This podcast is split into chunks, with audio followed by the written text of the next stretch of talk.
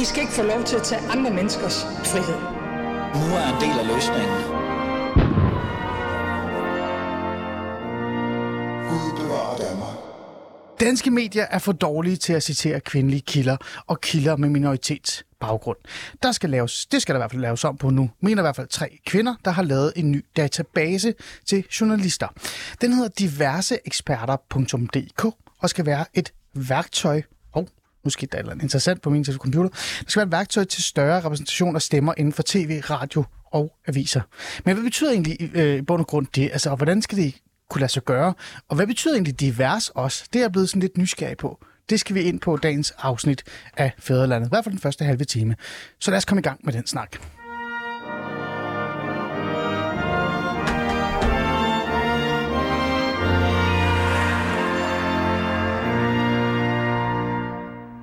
Ja, for at kunne gøre det ordentligt, så skal jeg jo selvfølgelig have en af de her diverse eksperter.dk med øh, i studiet, vil jeg jo på en eller anden måde være frækt at sige.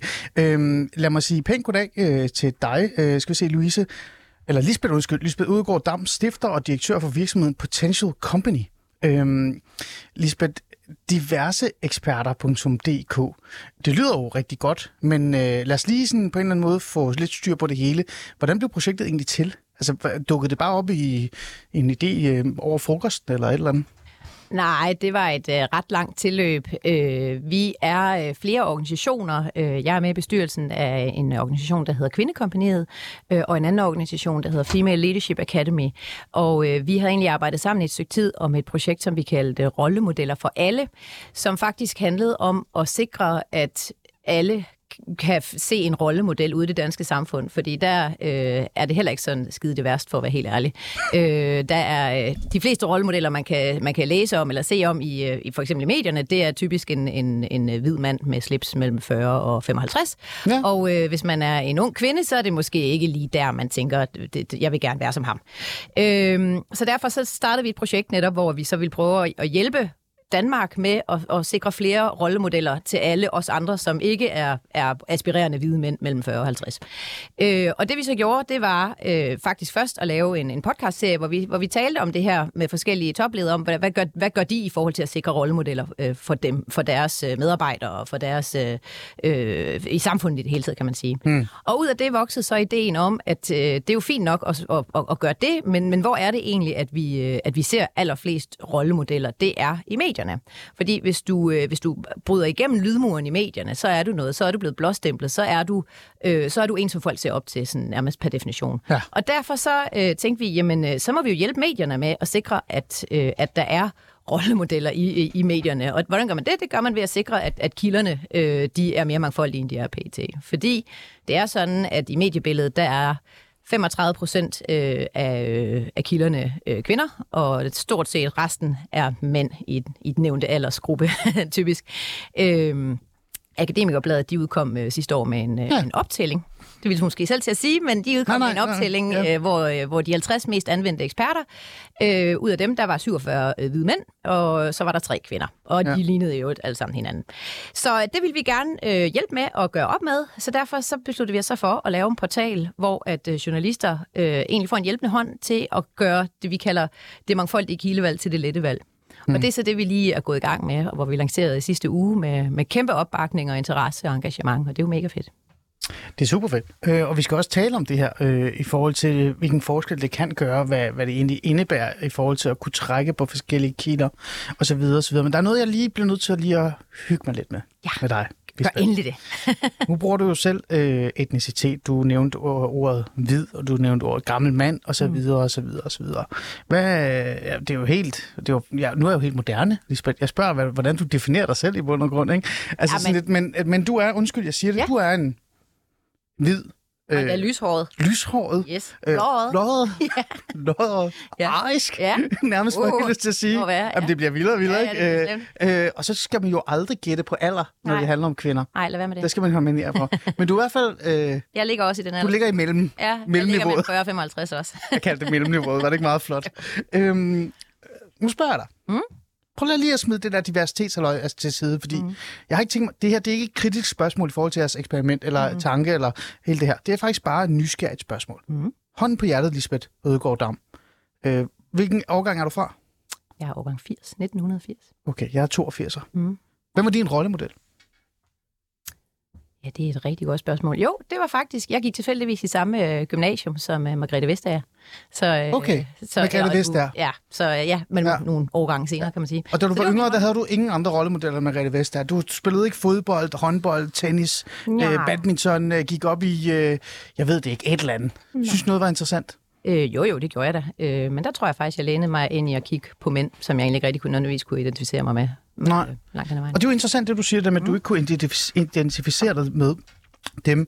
Øhm, lad mig prøve at trække mig selv ind i samtalen her, fordi det, jeg synes, det er interessant og vigtigt i forhold til det, vi taler om nu, før vi går videre mm. til det næste. Det der med at kunne repræsentere noget, og kunne se sig selv, afspejle sig selv i noget. Mm. Jeg hedder Ali. Jeg kom fra Iran som femårig. Jeg er i hvert fald det, man godt kan kalde minoritetsetnisk øh, dansker. Mm. Øhm, i øvrigt, så hed jeg ikke engang kun Ali, jeg hed Mohammed Ali. Øh, Jeg har fjernet Mohammed, ikke fordi ja. jeg kan lide min oprindelsesland eller noget, men lige mere fordi vi var aldrig brugt det. Det var faktisk min fars idé at fjerne Mohammed, for han tænkte, det har vi jo aldrig brugt, så hvorfor bliver vi med at holde fast i det?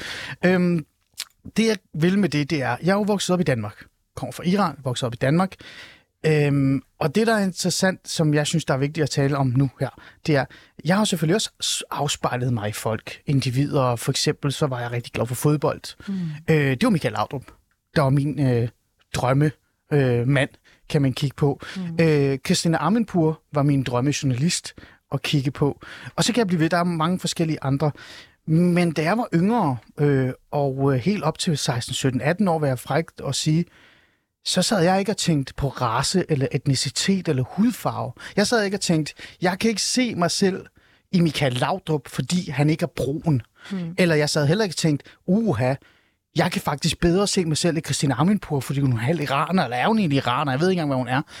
Jeg kunne se mig selv i det, de var. Altså det, det, altså det, de lavede, det, de udførte på en fodboldbane i en journalistisk forstand, deres værktøj, deres redskaber, øh, og i bund og grund det, de stod for. Altså ordentlighed, dannelse osv. osv.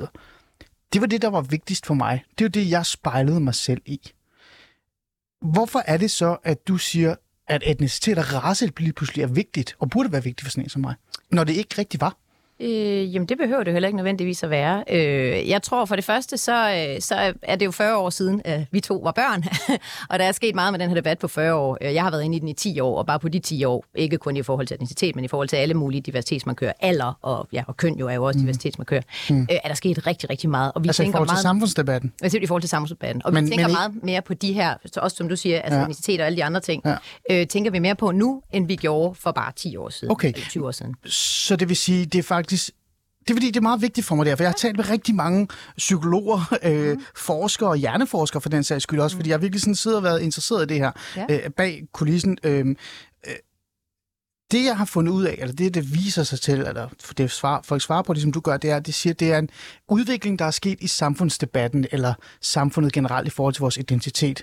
Men det er ikke noget fysiologisk. Altså, det er ikke fordi, vi sidder som, som menneske, som individ, som brun, og kigger på en anden brun og siger, jeg kan kun spejle mig selv, i, fordi du er brun. Mm. Fordi hvis du ikke var brun, så kunne jeg faktisk ikke forestille mig, at jeg kunne være fodboldspiller. Mm. Øh, det er ikke det. Så det er udviklingen, samfundsudvikling. Er det rigtigt forstået? Altså mm. udviklingen i forhold til, at vi vågnede op en dag, så kom vi i tanke om, at alt skal handle om race, og nu skal vi have fokus på race. Nej, jeg det er ikke- spørger dig, Lisbeth, ærligt, jeg er ja. nysgerrig. Ja, øh, jeg vil ikke mene, at vi vågnede op en dag, og det så skete. Jeg vil mene, at det er noget, der har netop udviklet sig, og noget, en udvikling sker over længere tid. Så det var ikke, fordi jeg lige pludselig vågnede op en morgen og tænkte, gud, jeg er, ja, jeg, jeg er kvinde, og nu, øh, og nu kan jeg ikke se mig selv i nogen som helst mænd. Aldrig nogensinde igen. Nej. Øh, fordi nu er jeg jo jeg, er- jeg er etnisk dansk, så derfor så er det den, Ja, den sætning, ja. jeg har til det. Ikke? Ja. Øh, men det, det er for mig personligt har det været en opvågning hen ad vejen, hvor jeg har opdaget, at, at, at, at nogle af de ting, som jeg står for, og som, øh, øh, øh, ja, nogle af de ting, jeg står for, matcher egentlig ikke den verden, der er blevet skabt nødvendigvis, fordi den er blevet skabt af Hvad mænd. betyder, hvad, jeg, jeg, bliver nødt, til- igen, jeg bliver nødt til at forstå det her, fordi ja. jeg sidder igen her som minoritetsetnisk mand, mm. øh, far til to drenge, en tre og en seksårig. Og jeg har hørt det her før, Lisbeth. Mm. Og igen, jeg spørger dig, fordi jeg er nysgerrig. Mm. Det er ikke en refleksion, der eksisterer i mit hoved. Jeg har aldrig gjort det, før den blev placeret i hovedet på mig, fordi nu skulle jeg tænke divers. Mm. Nu skulle jeg kigge på race og etnicitet. Jeg har snakket, jeg har arbejdet, og jeg kender rigtig mange minoritetsetniske drenge, piger osv.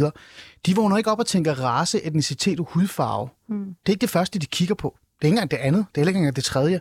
Men hvis de via samfundsdebatten, eller via andre, som lige pludselig begynder at gå op i race og etnicitet fra et måske filosofisk, og også sådan et identitetspolitisk niveau, påpeger over for dem igen og igen og igen og igen, det er vigtigt, mm. så kan det være, at de overvejer det. Men det er bare, jeg prøver bare at spørge dig, det er jo ikke en naturlig refleksion for mennesket at vågne op og sige, jeg tilhører en klan på grund af min race, og derfor kan jeg ikke forestille mig, at Michael Laudrup være min rollemodel. Nej.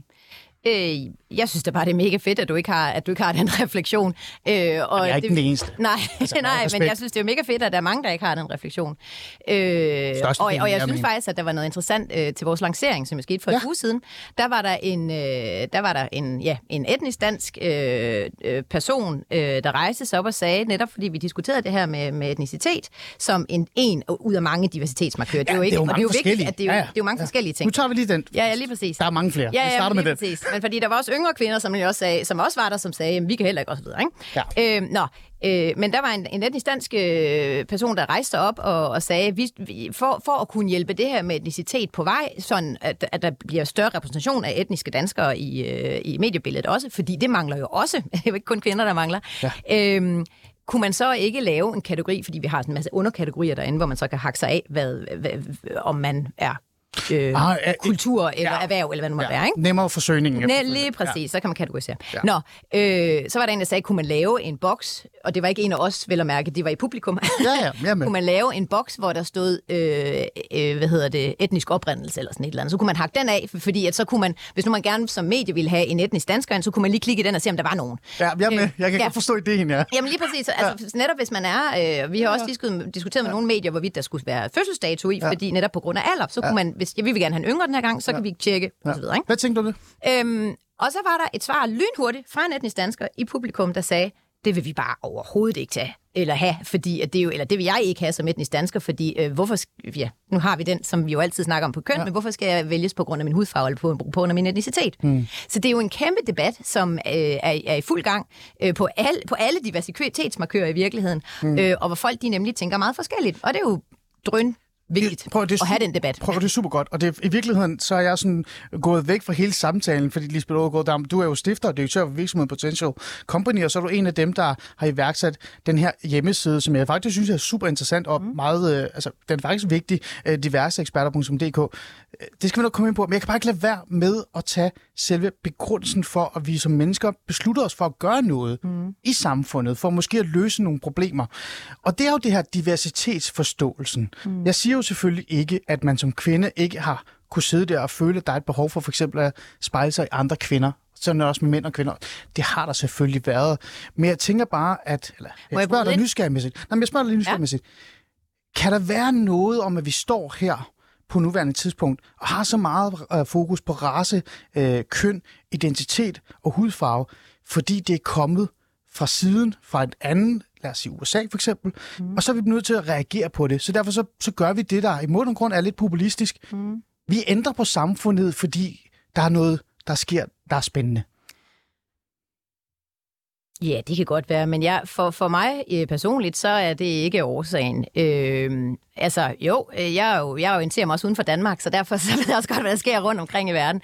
Øh, øh, for, for i, i mit perspektiv, så handler det om, at øh, vi har skabt en, et samfund lige nu, som er skabt, og undskyld, nu bringer jeg etnicitet ind i det igen. Ja, det må du gerne. Skabt du må også, af, ja, ja. Det bliver vi jo nødt til. Men ja, ja. Men i årtusinder har det været skabt af, øh, af mænd, og i, i Danmark og Europa af, af hvide mænd, og måske også dem mellem 40 og 50, fordi det er dem, der ligesom har boet i magtsfæren. Det er dem, der ligesom har ejet magten. Så derfor, ja. og når man har magten, så har man også øh, retten til at definere, hvordan et samfund skal se ud.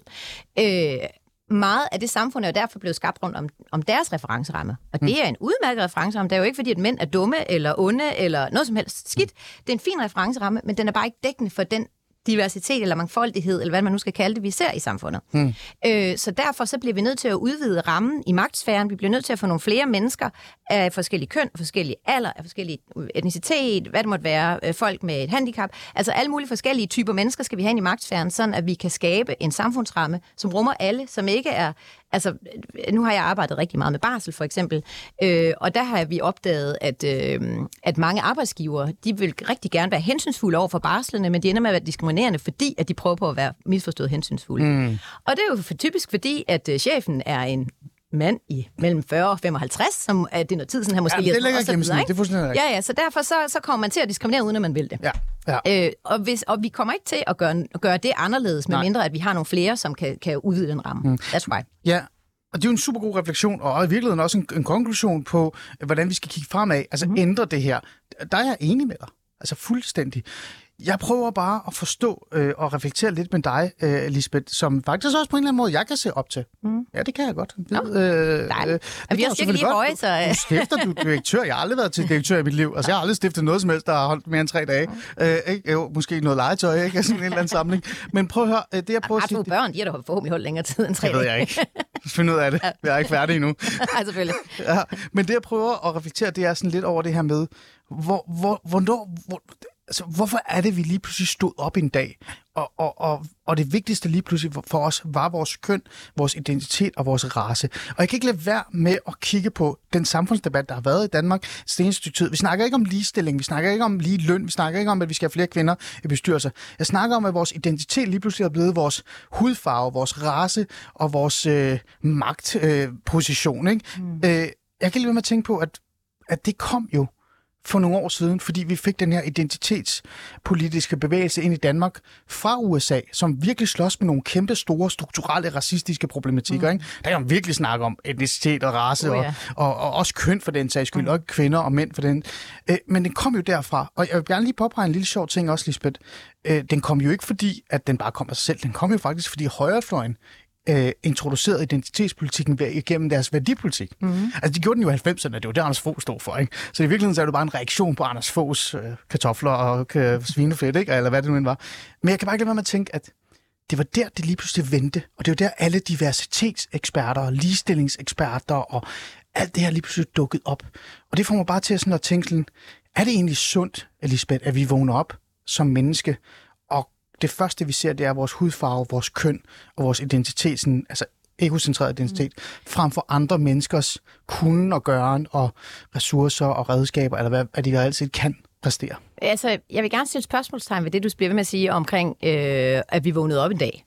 Fordi for mig at se, at vi ikke vågnede op en dag. Altså, øh, vi vågnede op øh, øh, hvad hedder, 10 gange 365 dage, og lidt så stille, så har vi bevæget os i den her debat. Ligesom vi har bevæget os i klimadebatten og andre debatter, som er vigtige for menneskeheden. Mm. For mig at se, så er det her en debat, og det kan godt være, det var højrefløjen, der kom med den. Det skal jeg ikke. Øh, det, Det var det. Det er, fordi, det er så de fint. plejer altid at sige det venstrefløjen. Ja, ja, ja, Det også men, ansvar. men det kan være, de er uenige om, at det faktisk var. Og det tror jeg, fordi at det var noget, som menneskeheden faktisk havde behov for. Mm. Øhm, Det er værdimæssigt. Ja, lige præcis, fordi at, øh, at i mange år, altså det hænger jo for mig at se, nu er vi sådan ude lidt mere filosofisk plan, om man vil, men for mig at se... Vi hygger hænger lige nu. Ja, Ja, ja, det er dejligt. Øhm, for mig at se, så hænger det jo sammen med, at vi, at vi i hvert fald i, i, i vores, på vores breddegrad ja. har nået et øh, velstandsniveau, der gør, at vi begynder at stille spørgsmålstegn ved det her. Fordi mm. hvis, man, altså, hvis man har svært ved at skaffe øh, ikke engang smør på brødet, men brød i det hele taget, Ja, så, ja. så er det måske ikke lige det, man debatterer over, over morgenbrød. Nok. Øh, så, så jeg tænker, at det er fordi, vi har nået et niveau, hvor vi rent mm. faktisk har, har tid og råd til at diskutere det.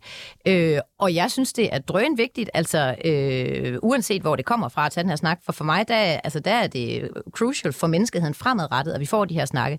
Fordi jeg synes ikke, altså som kvinde synes jeg ikke, det er fair, at jeg udgør 50 procent af befolkningen i den her verden, men, men kvinder har altså ikke 50 procent af magten i den her verden. Og det betyder så, at det samfund, der bliver skabt, heller ikke bliver skabt lige så meget for mig, som for min mandlige øh, counterpart. Og det er ikke fordi, at jeg hader mænd eller noget, det er bare fordi, Ej, jeg nej, synes, nej. det er unfair. Nej, Ikke? nej, det har du på intet tidspunkt sagt. Nej, nej, overhovedet ikke. Nej, nej. Men det er jo så en interessant debat, vi også kunne tage, men det gør vi ikke nu, for nu skal vi videre. Ja. Men det er jo det der med, om kvinder reelt set gerne vil have magten. Mm. Også det der med, for eksempel, vi siger, øh, vi snakker om meget det der med, at minoritetsetniske er ikke repræsentativ i medierne. Så er spørgsmålet, vil minoritetsetniske overhovedet være repræsentativ i medierne? Mm. Men det er jo nogle andre snakke. Men, øh, men jeg blev bare lidt nysgerrig i forhold til øh, den her diversitetsforståelse, Lisbeth Aagaard Dam. Øh, men jeg synes, vi kom godt rundt om den. Lad os gå videre til det, vi skulle tale om, ikke? Det er bare en aftale.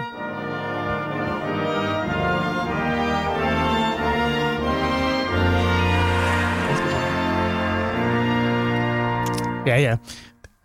Det er også lidt specielt, ikke? Man skulle, jeg skulle, jeg skulle så, at jeg spille noget arabisk. Nej, det er en joke. Lisbeth Ødegaard Dam, stifter og direktør for virksomheden Potential Company. Du er her jo øh, ikke kun for at filosofere med mig omkring diversitet, fordi jeg er sådan lidt af nysgerrig på, hvordan egentlig vi endte her. Men du er der primært for at fortælle mig om diversiteteksperter.dk, som er i virkeligheden bare en hjemmeside, men øh, et værktøj, et redskab for journalister, også andre mm. på den sags skyld, øh, til at få nye kilder ind øh, på bordet. Andre kilder, øh, mere diverse kilder, øh, både kvinder, minoritet osv. osv. Øhm, jeg har fået lyst til at spørge det første spørgsmål til dig, fordi det er jo meget interessant det her. Øhm, det, man lægger op til, det er jo, at man i bund og grund så kan sige, når man går ind på hjemmesiden diverseeksperter.dk, så kan man for eksempel skrive øh, social, mm. eller arbejdsmarked, eller integration, eller hvad det nu er. Og så dukker der en god øh, liste op af folk, mm-hmm. man kan ringe til. Øhm, det betyder jo så også, at man i bund og grund sætter sig ned og tænker, jeg vil gerne have fokus på det her emne, men jeg vil helst have en kvinde. Mm. Derfor så går jeg ind og i diverse eksperterne og finder en kvinde eller en minoritet. Hvordan ville du egentlig have det, hvis du var den første på listen og blev ringet op, men du bliver jo teknisk set ringet op, fordi du kun er en kvinde. Altså primær grund. Kilde. Kvinde. Jeg ville have det fint med det. Altså, der er jo masser af mænd, der bliver ringet op, fordi de er mænd, eller det har de i hvert fald været tidligere, fordi kvinderne er blevet valgt fra. sådan. Så jeg ville synes, det var vældigt. Øh, mm. Nu er det sådan, at når man bruger den her database i første runde, så øh, tror jeg, at mange ikke, ikke nødvendigvis bruger den, fordi de kun er ude efter en kvinde, men de vil gerne se, hvad feltet ellers byder på i forhold til de der, de har i deres lille sorte lommebog, som de normalt ringer til. Mm. Så, så søger de, og finder ud af, at der var faktisk nogen, som jeg måske aldrig faktisk har hørt om før, fordi at de var ikke en del af, af, af min sorte lommebog. Ja, jamen. Øhm, og, og så ringer man selvfølgelig til dem for at kultivere et nyt landskab, for at, øh, for at, at bringe noget nyt ind, for at brede perspektiverne ud. Hmm. Øh, og så synes jeg da, det er fantastisk, at, øh, at kvinder, øh, om man hmm. så er etnisk eller dansk... Men der er jo kun meget, kvinder derinde, ikke? Der er, ja, kvinder og non-binære. Ja, ja, præcis. Øhm, men det betyder så også, det du siger, det er, det er jo, at de der lommebøger primært er mænd. Hvor ved vi fra, at de lommebøger kun er mænd? Øh, når man spørger ude i redaktionsmiljøerne, så øh, altså jeg kan huske, øh, at til et, øh, vi har haft workshops, udviklingsworkshops med, med journalister øh, undervejs for at sikre os, at den her database virkede til det, den skulle bruges til, kan man ja. sige. Ikke? Og, øh, og undervejs til en af workshopsene, der var der en af de her journalister, som arbejder på et stort dansk medie, som det var lige op til, til sidste folketingsvalg, som sagde, jeg har lige fået, øh, hvad hedder det, øh, kommentatorlisten ud af dem, vi kommer til at bruge til folketingsvalget. A-kæden er tre mænd, B-kæden er en mand og en kvinde, C-kæden er tre mænd. Øh, så det er jo, altså, det er jo virkelig, mm. der er lommebogen lige der, ja. kan du sige. Ikke? Så men, derfor så ved vi det også, når vi har været ude at tale med redaktioner, ja, så, fortæller findes. de jo, så ja. fortæller de jo faktisk men, sorte lommebøger. Men er det et bevidst fravalg? Altså sidder ja. redaktioner og fravælger kvinder, fordi de tænker, mænd er mere... Nej, de er det, er det ikke det, du lidt andet sted siger? Nej, det gør jeg ikke. Jeg siger, at øh, der, der kommer ordet bias, som er jo et andet diversitetsudtryk ind. ja, ja. bias handler, ja, ja men, men lad mig forklare det. Bias handler om, at øh, man har sådan nogle, altså man egentlig øh, er, er forudindtaget i forhold til, sådan, ja. og ubevidst er forudindtaget ja. i forhold til. Så det er jo ikke noget, at der sidder jo aldrig nogen, igen nogle sure mænd, som sidder og siger, ej, jeg vil ikke have en kvinde, jeg kun have mænd med De sidder jo og tænker, det her det er men den de bedste, bias... for jeg er blevet lært, at det her det er den bedste kilde. Så de bias fravælger, uden at vide det, ja. kvinder og sætter mænd på deres lister, og derfor så er det godt at have en liste, hvor der kun er kvinder og mænd. Så kan man jo bruge den liste til at supplere ind i sin lommebog med, ja. med mænd, og så, så kan men, man jo altid finde, man skal jo stadig finde den bedste, ja. men typisk vil der faktisk også være rigtig mange gode kvinder i den der ja. liste. Men det var bare fordi, du sagde, at mænd i overvis bliver ringet op, fordi de er mænd. Mm-hmm. Det er derfor, jeg blev sådan lidt nysgerrig, Lisbeth. Det er jo øh, det er sådan en lidt, et lidt kægt svar tilbage til dig, kan man sige. Jamen, det, må du, det må du gerne, men, det må ja, du gerne. Nej. Så altså, mener du det, eller mener du det? Øh, jo, jeg jo men jeg mener det, men, men lad mig forklare. Ja. Øh, det handler jo igen om bias. Øh, det handler jo om, at øh, netop vi har, vi har haft en idé om, og har stadig en idé om, at øh, den mm. perfekte mm. autoritetsfigur i verden mm. er en mand. Måske endda hvid, måske mellem 40 og 55. For lige at tage den med igen, ikke? Det så, så har man autoritet, og det er endda blevet bevist, at, øh, at øh, for eksempel kvinder, fordi de er den anden store majoritet, hvis de træder ind i det der, så bliver de talt ned til og alt muligt, øh, fordi, bare fordi de er kvinder, bliver bedt om at hente kaffen, hvis de er i et studie, eller hvad nu det måtte være. Ikke? Altså, mm. no kidding, det er sket for Johannes Schmidt for eksempel. Øhm, jamen, så, jamen, det så ved derfor, jeg godt, den har jeg hørt, den har du hørt. Ja, ja, ja. Øhm, så, øh, så derfor så, øh, så er det, altså så er det sådan, kan man sige. Øhm, mm. og, og, øh, og, og derfor så, så er det, at mænd, eller mænd, at journalister, og det er jo ikke kun de mandlige journalister, der er jo også kvindelige journalister ude på redaktionen, der jo har den samme sorte lommebog, som også ringer til de samme øh, mandlige kilder, fordi de også har lært, at en autoritetsfigur er øh, en mand. Mm. Og det er jo det, vi prøver på at udfordre, kan man sige, ved så at, øh, at, at lave øh, et alternativ til den autoritetsfigur, vi kender så godt, og som vi alle sammen egentlig nyder godt af. Og jeg gør bestemt også, så det er ikke fordi, at vi er meget bedre selv, men vi prøver at udfordre den på en konstruktiv måde, Ja. uden, at, øh, uden sådan, altså for Ja. alvor at pege Men- fingre, men at komme med en god... Men lad mig komme med et eksempel, og det er sådan et mærkeligt eksempel. Det, det er bare for det, for, fordi jeg kan godt forstå. Ja. Det der med øh, bi- bias og, de, og, og det der med at tænke divers, og så alligevel ikke gøre det, fordi man er vant til at vælge dem, man selv ligner. Mm. Øh, det er også det trygge. Altså Yes. det er menneskeligt i virkeligheden. Det er ikke fordi, at øh, det er noget andet. Det skal vi nok komme ind på. Men, men det er bare fordi, at jeg prøver bare sådan at forstå det der med, om det der ubevidste fravalg af mænd, altså det lyder jo nærmest som sådan en konspirationsteori-agtig tilgang, tilgang mod kvinder. Det vil sige, at der er siddet en masse mænd rundt om et bord, og så er det pludselig for, at de der kvinder skal dele med ikke have taletid. Og vi er altså ikke i overhovedet 1950'erne, vi er i 2022. Men, sådan, men, sådan men er det er ikke sådan, du ser det. Nej, det er ikke sådan, jeg ser det overhovedet. Øh, jeg ser det som om, at det er ikke noget, vi egentlig nogen af os har været her. Det er på samme måde som Ja. den der værk, som du siger, den der udvikling, eller som jeg siger, Ja. udviklingen i de sidste ja. år, hvor vi så pludselig er gået over, at vi vil gerne snakke om identitetspolitik. Ja. Så det her, det har også været sådan en udvikling, hvor man har, øh, det er så startet for tusind år siden, men, øh, men altså, det er også indgroet i os alle sammen, mm. at det nærmest ligger helt nede i vores gener at tænke på den måde. Men det er jo ikke, Nej. altså, det er jo ikke fordi, at det skal være sådan. Nej. Det er bare fordi, vi beslutter os for det. Noget andet, som jeg synes har altid været fascinerende i forhold til det her, øh, og det er jo noget, jeg så har slås med sidenhen, efter jeg, jeg, har været, jeg er jo socialrådgiver uddannet og arbejdet som socialrådgiver, så jeg er jo sådan virkelig... Altså det, jeg elsker allermest ved socialrådgiver, det var jo at observere og jagtage og se mønstre og faktisk se, hvordan folks adfærd er i virkeligheden. Ikke? Øhm, øh, men det, jeg synes, der også har været interessant, det er, efter jeg kom ind i medieverdenen, så har jeg også lagt mærke til, at, at de alle sammen ligner hinanden. De er alle sammen bias, kunne man være fræk at sige, ikke? især i forhold til minoritetsetniske osv. osv. Men jeg føler jo ikke rigtigt, at der er nogen, der har sat sig ned og sagt, de gider ikke ansætte nogen kvinder i ledelsen, eller de ikke gider ansætte nogen hvad kan jeg sige, minoritetsetniske som journalister. Der er nogle ting, der, der driller, men det er det, og det kommer vi ind på. Men der er også det der med, om man så overhovedet har lyst til at være i branchen, eller om man har lyst til at være en stemme overhovedet. Vi taler jo tit om det der med minoritetsetniske, hvad hedder det, for eksempel, ikke er repræsenteret i den offentlige debat. Jeg er selv minoritetsetnisk. Det kan godt være, at jeg måske er på både højre og venstrefløjen i nyerne. Jeg bevæger mig lidt mærkeligt rundt, så derfor så kan man ikke sådan alliere mig med øh, kun et sted. Øh, men selv jeg har ekstremt svært ved at få minoritetsetniske ind i studiet, for de har ikke lyst til at tale. Fordi de stoler ikke på medierne. De kommer fra en baggrund, som måske er lidt sværere og i forhold til hvad kan vi sige, øh, magt og stat og myndighed og presse. Og det er ikke fordi, også selvom de er født i Danmark, men det er jo fordi, de får noget med sig med deres, mm. med deres forældre osv. Så, videre, og så, videre. så det er svært at få dem ind i studiet, fordi de er lidt Er det påpasselige. synd? De er påpasselige. synd, altså. Det er, det er pisse synd, men det er nogle andre barriere, vi skal slås med og arbejde med osv. Mm. osv. Så er der den anden gruppe, den store gruppe. Ikke? Øh, her var den aktivistiske gruppe. Ja. Ja. De, vil, de vil helst ind i sådan safe spaces nærmest. Ikke? Den store gruppe af minoritetsetniske, de er bare ligeglade. Mm. De vil hellere på arbejde. Ja. Altså, så kommer vi hen til det spørgsmål, jeg gerne vil stille dig også i forhold til kvinder. Der er jo den her snak om, at vi mangler kvinder i, for eksempel som rollemodeller på tv og news osv. osv. Øhm, eller som kilder.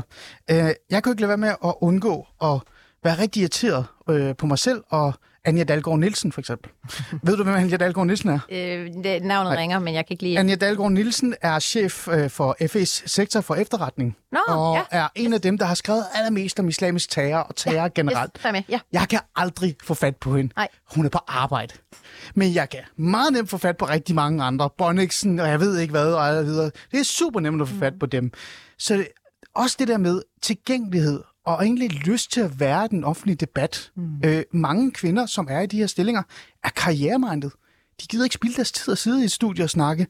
Kan der ikke også bare være en snak om, at der er masser af kvinder derude, som er dygtige, mere dygtige end mange mænd, men de har bare ikke brug for det ego-trip af at stå i et studie. De er på arbejde. Jo, det, jo, måske. Øh, men jeg tror nu ikke... Øh, altså, øh, jeg, jeg tror egentlig, at, at mange af dem egentlig, egentlig gerne vil, men ja, som du siger, de har, de, de har travlt med at lave, lave det andet arbejde, om man vil. Øh, Øh, jeg, tror, at mange... Øh, altså, vi, har rent faktisk i forhold til, til det her initiativ, der er vi netop i gang med også at arbejde med, med medie, medietræning og, og, og sørge for netop, at, at, at man er tilgængelig. For det er jo selvfølgelig en Ja. af de ting, som, øh, som man også skal arbejde med. Øh, og igen, der tror jeg faktisk, det er en del af den der bias også, at man... Øh, og det er jo noget med, at... at øh, hvis man skal eksekvere, altså det er jo en helt anden ting i forhold til ledelse og sådan noget, men hvis, hvis, hvis, hvis kvinder de skal nå ledelse, så skal de eddermame hænge i, fordi ellers så er der en, der løber lige forbi øh, med tidsmanden udenom, ikke? Så, øh, og det kan godt være, at... Øh, Eller tissekone. eller tisse, nej, nej, det er typisk dem, dem med tidsmænd, der løber udenom dem. Øhm, så, øh, nej, men, men så, så, så, derfor så bliver man nødt til at hænge endnu mere i. Man skal have styr på penalhuset endnu mere som kvinde, end man skal som mand. Mm. Så det er jo også derfor, det her det er jo en kæmpe, altså, det er jo en kæmpe ting, som vi mm. prøver på at åbne op for, mm. som ikke kun handler om kilder, men jo også netop også, hvis, hvis hun ikke er tilgængelig, så er det sikkert, fordi hun er ved, i gang med at have styr på penalhuset, så har hun ikke tid til at tage telefonen. Ja, ja, præcis. Så, så, øh, så Ja. derfor så, øh, så tænker jeg egentlig, at det bare handler om, at vi så også lige skal snakke om, om, om resten af det med magtsfæren og kvinder og non-binære og alle mulige andre, ikke? Ja. Og det er altid en god samtale. Yes. Lisbeth, nu spørger jeg dig om noget, der virke, kan, kan virke lidt upassende, men jeg tror, nu brugte du det selv, ikke? Er du blevet løbet udenom af en tissemand? Ja. Er du det? Ja. Men kan øh, du- nu kan du- stoppede jeg... Øh, nej, det vil jeg ikke gå nærmere ind i. Nej. Men, øh, men, Men- jeg, men jeg du- stoppede mit, øh, mit, hvad skal man sige, min, min, øh, øh, øh, hvad hedder det, mit, mit arbejde som ikke, var, som, som ikke selvstændig, som lønmodtager, Ja. ret, ret tidligt i min karriere, kan, kan man sige. Så derfor så... Øh, men jeg nåede det lige inden, ja. Og, Okay, så du har oplevet det selv? Ja. ja. Øh, Hvordan var det? Jamen, det var Altså, jeg bliver nødt til at... Jamen, kan du Det hænger for det? mig at se, der hænger det jo, altså i mit tilfælde, der hang det også sammen med, at jeg jo helt klassisk også lige havde en barsel undervejs. Øh, og, og når man øh, er øh, lang tid på barsel, øh, hvilket jeg var, så, øh, så ramler man ind i nogle, nogle udfordringer i forhold til, til den der magtsager okay. også. Ja. Og det er jo også nogle diskussioner, vi skal have. Nok Ja. lige her, men... Øh, Nej, men altså absolut, det skal. Ja. vi, fordi der er mange øh, ting i det, og det er derfor, jeg siger, at det er jo måske lidt sværere end bare øh, at tegne det som om, at der er en masse kvinder derude, som virkelig bare sidder og venter på at blive ringet op, men de bliver ikke ringet op, fordi Mm. at det er mænd, der er i bøgerne. Det er det, jeg prøver at tegne og sige, mm. det er mere komplekst end det. Vil Jamen, du det er vi erkende fuldstændig det? enige i. Men øh, den første, det første skridt, det er ligesom at få gjort dem øh, synlige. Ja. Og så er altså næste skridt selvfølgelig også at sørge for, at... Øh, at, at øh, man dem noget showmanship, Ja, men, måske lidt, også. ja, men at at man tager telefonen, når man rent faktisk fordi, altså, øh, øh, siger ja tak så. Ja. Øh, fordi noget af, nogle af de myter, og det er sådan lidt myter, men stadigvæk, øh, som, som man jo hører nogle gange, det er jo også det her med, at øh, øh, som, som I jo også fortæller om, at, øh, at når, når en, kvinde bliver ringet op til et radioshow, så skal hun have at vide, øh, hvem er der, hvor mange, hvor lang tid skal vi tale, hvad, hvilke vinklinger er der, og, og så videre. Ikke? Og man jo. siger, jamen jeg kommer med ind i håret. Jeg kommer bare. Ja, ja, lige præcis. Så der er stor... Altså, fordi netop orden i penalhuset. Vi bliver Ja. til at have i penalhuset, ellers er der ikke nogen, der tror på os. Ja. Og det kommer tilbage til den der authority gap, som jeg talte om tidligere, som Ja. ja. handler om den der autoritet. Hmm. Man bliver nødt... Altså, man skal virkelig have styr på det, hvis man er kvinde. Og det er jo... Og det lyder sådan lidt over stakkels, stakkels lille pige, at du ikke... Altså, Ej, det synes er jo jeg ikke, det gør. men- Det synes jeg, det gør. Jeg men- synes, det handler om at, at, at skabe en, en, en sundere kultur i forhold til at deltage. Altså i Jamen, virkeligheden også. Og- og måske det- også at tillide os. Ja, men det handler om, øh, men også om, om, om, om vores selvsikkerhed, eller vores, øh, øh, ja, vores selvtillid i, i det her i det hele taget. Men det er jo noget, der bliver bygget op. Altså, vi, vores selvtillid er jo åbenbart, kollektiv kunstig selvtillid er åbenbart så lav, hmm. at vi er nødt til at have i penalhus for at føle, at vi rent faktisk kan... Altså, at det lyder igen, åh, stakkels pige, men, men det, er- det er sådan, altså igen, det er på et kæmpe strukturelt niveau, som, som ikke bare lige handler om den her database. Men man kan jo ikke løse ting ved at stå og snakke om strukturelle ting. Man er nødt til at komme med nogle konkrete værktøjer, og det er det, vi er kommet med. Ja. ja. Det er jeg fan af. Det er bare lige for at sige. Jeg er faktisk fan af det. øhm, her til sidst. Øh, det er jo ikke her til sidst, vi har stadig fem minutter. Jeg vil gerne tale med dig ordentligt med, omkring det her. Øhm, så vil jeg gerne gå ind på det der med bias, du nævnte, ikke? Øh, og se, nu vil jeg gerne møde dig. Det, det skal da også være det her, det er en samtale. Øh, fordi jeg i virkeligheden synes jo, det er en interessant øh, og et spændende projekt, I er gang i. Øhm, det er det der med, at man faktisk vælger de mennesker, man selv ligner eller genkender. Og også det der snak om golfklubber, ikke? Ja. Altså, du ved, du ansætter dem, du kender via din golfklub, ja. Eller tennisklub, og så Eller videre, og så videre, ikke? Ja, ja. Jo.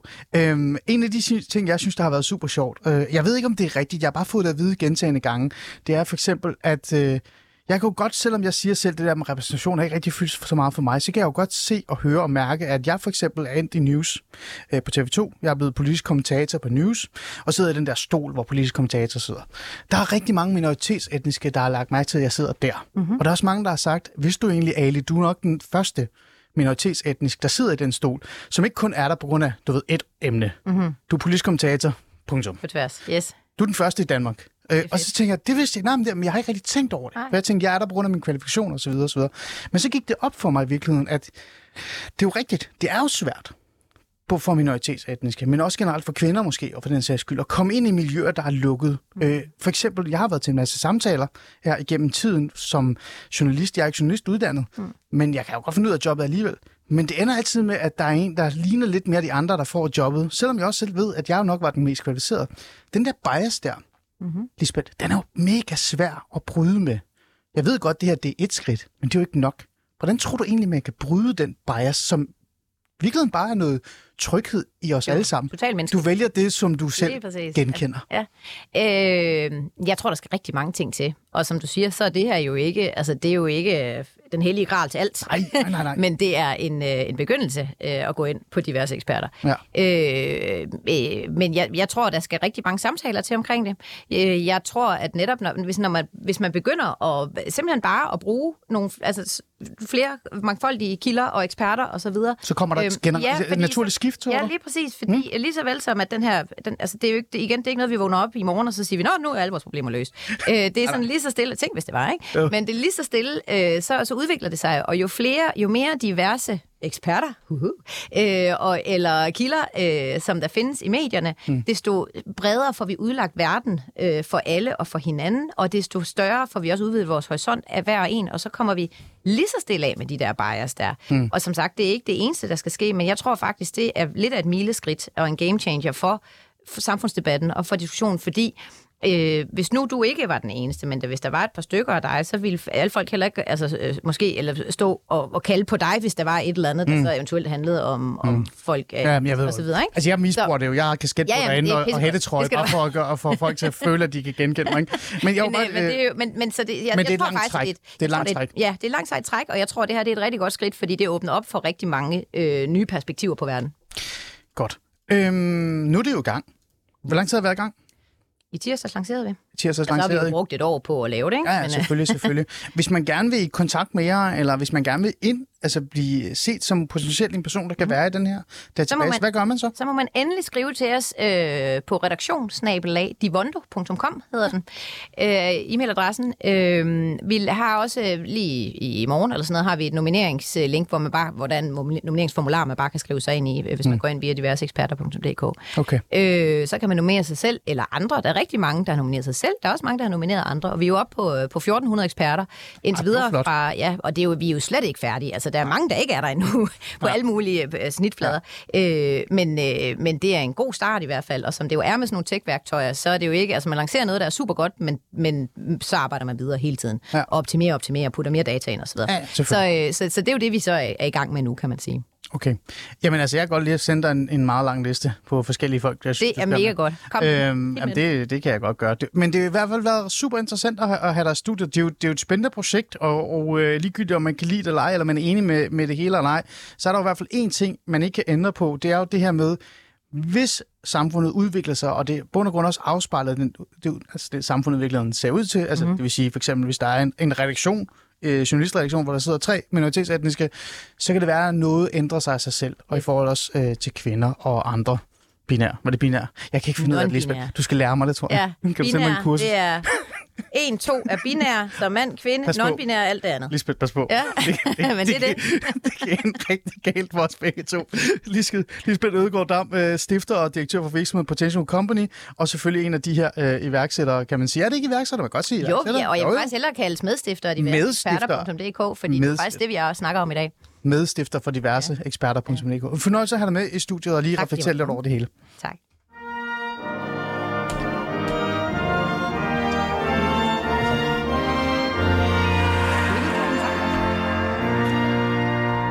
Det vil jeg rigtig gerne, men jeg er jo stadig i gang med at sende radio, Lisbeth. Så det kan vi gøre senere, hvis det er. Men tak, fordi du vil øh, være med. Nu skal det til handle om noget helt andet. Jeg ved ikke rigtigt, om man kan sige, at den her mand repræsenterer øh, diversitet eller ej, men et eller andet øh, har han jo repræsenteret. Fordi jeg vil faktisk gerne sætte lidt fokus på Silvio Berlusconi. Øh, og det vil jeg jo, fordi den her største charlatan i europæisk politik, den italienske politiker og erhvervsmand Silvio Berlusconi, er død i en alder af 86 år. For os europæere ligner han jo ofte mere en anløbende brugvognsforhandler, og jeg elsker det der med at kalde ham brugvognsforhandler, men for mange italienere, der i årtier har holdt ham i liv rent politisk, var han jo en, en hedersmand. Altså, en mand, man decideret sørger over på nuværende tidspunkt. Men hvad forandrede egentlig, øh, altså hvad har han egentlig forandret i det italienske samfund, men også måske i sig selv i de her, alle de her år? Øh, og øh, hvad, hvilken betydning kommer han til at have nu, når han faktisk er øh, smuttet, kan man sige, eller hvad man kan sige. Han er i hvert fald død. Det skal vi have en øh, snak om nu.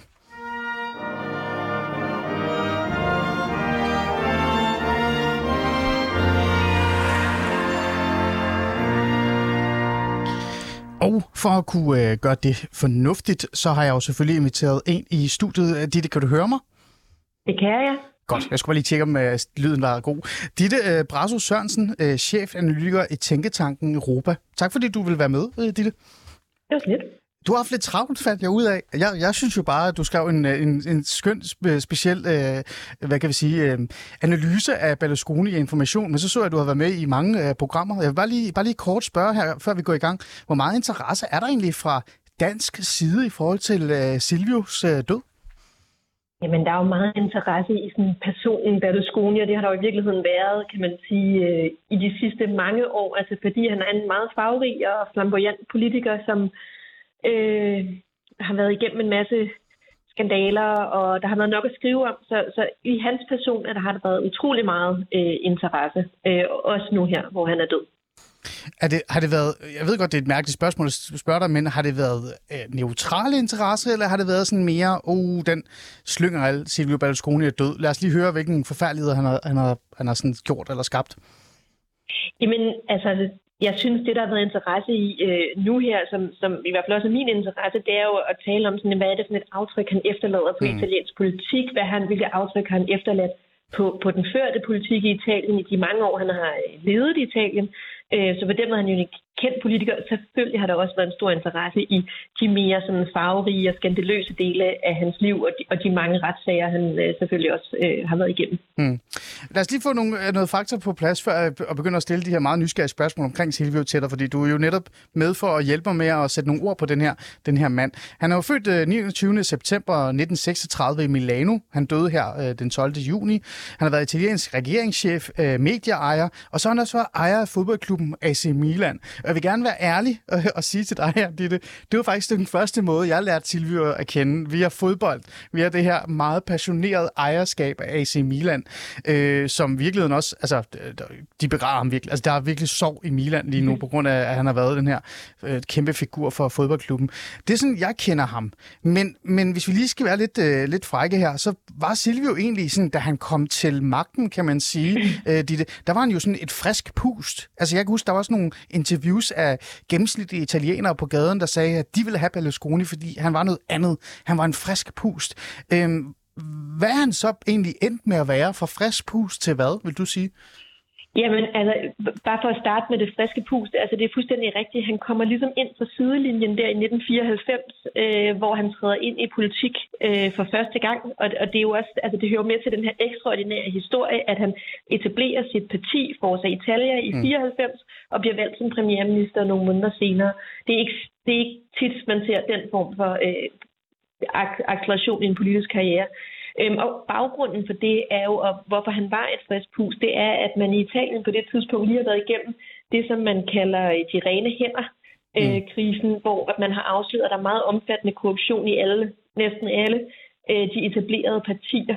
Øh, så de er ligesom rådet på sådan en meget, meget omfattende øh, korruptionsskandale, og der er gjort rent bord. Man kan ikke stemme på den igen, eller det kan man godt, men det er der ikke så mange, der ønsker. Ja.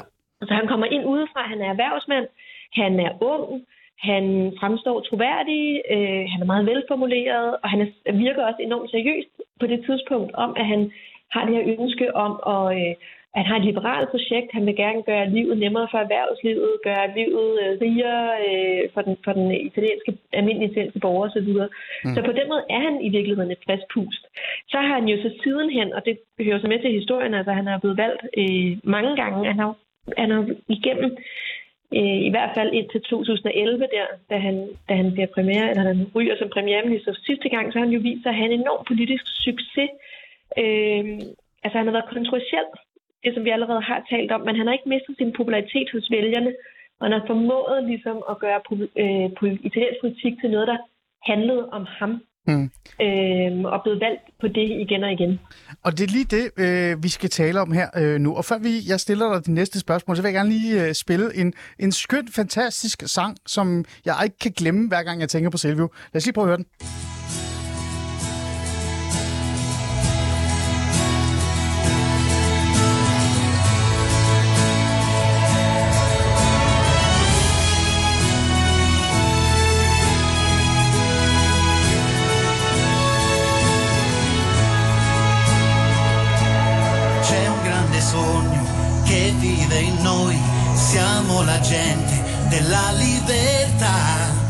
Presidente, siamo con te, meno male che Silvio c'è. Ja, øh, Didi, jeg tænker, du kender godt den her sang øh, i virkeligheden. Øhm, det, jeg sådan lægger lidt op til med, med at spille den her sang, det er jo det her med, at, at mange kalder ham populist, altså øh, populist, ikke? Altså den her mandets, folkets mand, men også som reagerede på folket. Det vil sige, hvis de havde en agenda, som var meget populær, så tog han på sig og, og, og, og satte det som nummer et på dagsordenen. Var han egentlig en repræsentant af folket på godt og ondt, øh, mere end nogen har været i Italien? Øhm, altså, jeg synes, det hører med til historien, at han etablerer Forza Italia der øh, i 90'erne, og det har jo aldrig sådan været rigtig tynget af ideologisk bagage. bagage. Altså, det har været en, en idé om et liberalt samfund, nogle fine rammevilkår for erhvervslivet og nogle skattereformer osv. Men han kommer ikke ind i politik med sådan en, sådan et, en, en drejebog til, hvordan samfundet præcis skal se ud. Og det giver ham jo også en masse politisk fleksibilitet, som du ah. også peger på hen over årene. At man kan sige, at han har nogle liberale retningslinjer, og dem har han jo sådan i en vis udstrækning holdt ved øh, omkring et liberalt samfund, omkring han går ikke så frygtelig meget op i, øh, kan man sige, konservative øh, kristne værdier, som ellers er fyldt meget i italiensk politik. Øh, men, men, men det er jo sådan en tynd, øh, det er sådan en tynd øh, ideologi, så han kan putte meget ind i den, og han kan reagere på øh, tendenser i samfundet, som du også siger. Så på den måde har han haft øh, mere fleksibilitet, end hvis man kom med et eller andet socialdemokratisk øh, øh, du ved, mm, ja. program, som man har udviklet over de sidste 200 år, og så kan man jo ikke rykke så meget ved det. Nej. Øhm, og så tror jeg også noget af det, som øh, mange peger på, når de, når de peger på, om han er øh, populist. Altså det har jo også hans fremtoning og hans måde ligesom at performe politik på, øh, hvor han øh, har jo haft en, en meget farverig øh, retorik. Han øh, har, øh, har haft sådan et, øh, et, et sprog, hvor han, han lagde sig ud med folk, ikke? som man også har set andre ja. ledere gøre efter ham. Altså han har jo været sådan en form for generalprøve på ledere, som for eksempel Donald Trump og sådan noget, så den her konfrontatoriske øh, tone, hvor han siger, jamen, jeg, jeg står herover og repræsenterer folket, mens øh, alle de andre, de har sådan fuldstændig misforstået, der er bare en del af en eller anden elite, og særligt hans øh, europæiske øh, kollegaer, Merkel og så videre, lagde han sig jo også ud med. Og så kan det sige, så, så ironien er jo, at på samme måde som Trump, så kommer han jo med den samme distance til folket i virkeligheden. Altså han, øh, kommer med en, altså en enorm rigdom, mm. øh, altså meget langt fra den italienske ja. gennemsnitsvælger, ja. kommer med et meget veletableret politisk netværk osv. Jo, men, men det, der er interessant ved Silvio, vil jeg, øh, vil jeg jo mene, og det er sådan en lille analyse af mig, og du ved meget mere om ham, end jeg gør, det var jo det der med, at jeg synes på en eller anden måde, så formåede han at være tættere på folket, end Trump nogensinde har gjort, eller andre har gjort. Øh, og det gjorde han jo måske via hans, øh, du ved, hele det her mediemeskeneri, han havde, måske også på grund af hans, øh, hvad hedder det, engagement i fodboldklubben FC, øh, altså AC Milan osv. osv. Men det var som om, at Silvio nærmest blev tilgivet for ligegyldigt, hvad han gjorde øh, af folket, fordi de følte, at han var en del af dem. Øh, er, det, er det en forkert analyse, øh, dit? Øh, nej, det kan jeg sagtens genkende. Jeg, jeg synes, hvis, altså noget, der hører med til den historie, det er, at jeg tror ikke, Silvio Berlusconi havde fungeret særlig godt nogle andre steder end Italien. Så ah. Italien, italiensk politik er ekstremt volatil. Ikke? Den mm. historie hører vi hele tiden. Ja. Ja. Øhm, der, der er valgt tit, og der er nye regeringskonstellationer, der bliver opfundet nye partier, og der er en masse korruptionsskandaler osv. osv. Man skal ikke snakke med særlig mange italienske vælgere, for man får den her fornemmelse af, at i Italien er der en enorm træthed omkring det politiske system. Altså man mm. tror ikke rigtigt på, at det, det er lidt ligegyldigt, hvem der sidder i stolen, så evner de nok ikke at levere resultater. Og det har Berlusconi jo heller ikke gjort. Men, altså, men, men hvis det ligesom er grundfølelsen blandt vælgerne. At mm. ligegyldigt, hvem der sidder i stolen, så, så får vi det samme, og vi, der, der er vi ikke ændret ved, ved de der strukturelle problemer, Italien står i. Mm. Hvis det er grundfølelsen, så er det lidt ligegyldigt, hvem man vælger, fordi man kan ikke få forandring, men det næstbedste, man så kan få, mm. det er, at man kan få en, som kan spille spillet, som kan være smart, som kan drage fordel af systemet, og det har Berlusconi om nogen formået at vise, at han kunne ikke. Altså, han har været smart, han, han har haft en larger than life attitude, hvor han, når ja. han bliver taget for skattesnyd, så, så er hans svar jo, ja, jeg har snydt lidt i skat, men hvem har ikke snydt i skat? Altså underforstået, ja. du er da for dum, hvis du ikke øh, forstår, ja, ja. at man kunne snyde i skat, ikke?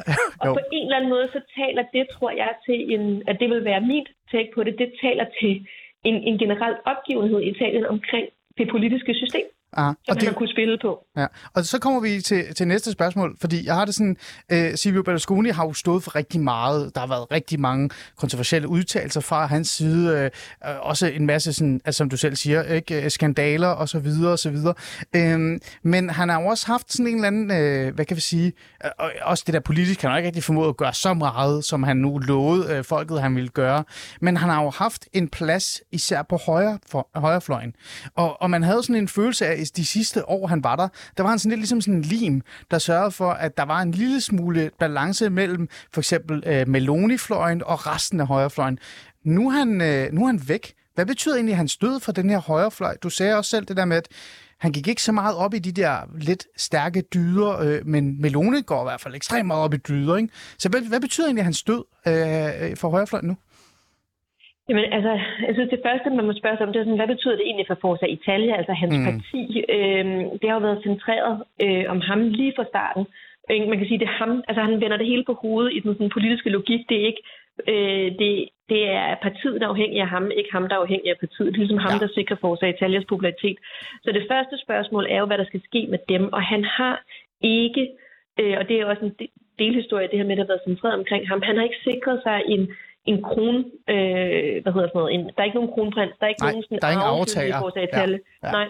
Øhm, så spørgsmålet, og de står også meget dårlige i meningsmålinger, så Ja. spørgsmålet er, hvad der skal ske med, med dem. Ser man så på den italienske højrefløj, og det er jo så, kan man øh, så starte med bare at kigge på, øh, kan man sige, koalitionsregeringen. Ja. Så har du så Forza Italia, du har øh, øh, Meloni med Italiens broderskab, og så har du øh, Salvini med Lega. Ja. Øhm, og og der, den rolle, som øh, Berlusconi har spillet i det, og som han også har spillet historisk, og som er værd at fo- fokusere på, det er, at han har været med til at mainstreame højrefløjen. Mm. Så han har i virkeligheden været en konservativ, eller en, en højre liberal stemme, øhm, men, men har jo ikke nogen, han har, han har haft mange radikale udtalelser, men har ikke haft de her meget nationalistiske, Ja. øh, radikale øh, projekter.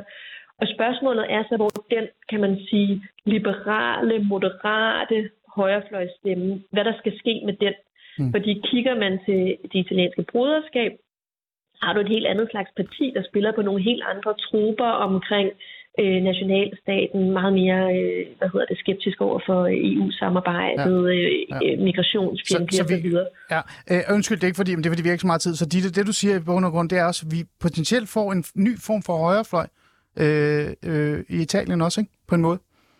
Jo, jeg synes, det spændende er i virkeligheden at kigge på de Hvis man skal kigge på italiensk politik og lede efter noget de næste par år, så skal man lede efter, hvad bliver den liberale stemme i Italien? Altså, hvem tager den? For der, Mm. jeg tror, der vil være nogen Forza Italia vælgere, som ikke kan se sig i Melonis øh, projekt, eller Ja. i Salvinis projekt Okay. for den sags skyld. Ja. Hvor skal de hen? Ja. Øh, kort, her til sidst, du har fire sekunder. Mit sidste spørgsmål, Ditte Brasso Sørensen, før jeg siger tak. Vil italienerne savne ham? Ja eller nej? Det tror jeg, mange vil, ja. Ditte Brasso Sørensen, chefanalytiker i Tænketanken Europa. Tusind tak, fordi du vil komme og sætte nogle ord øh, på Silvio øh, for mig og for mine lyttere. Øh, han var jo larger than life i virkeligheden, og øh, jeg synes, nogle af de der politikere, om vi kan lide dem eller ej, øh, som er larger than life, der bliver færre og færre af dem øh, i bund og grund. Om det er så godt eller skidt, det ved vi ikke. Det finder vi i hvert fald øh, ud af. Øh, det bliver i hvert fald interessant.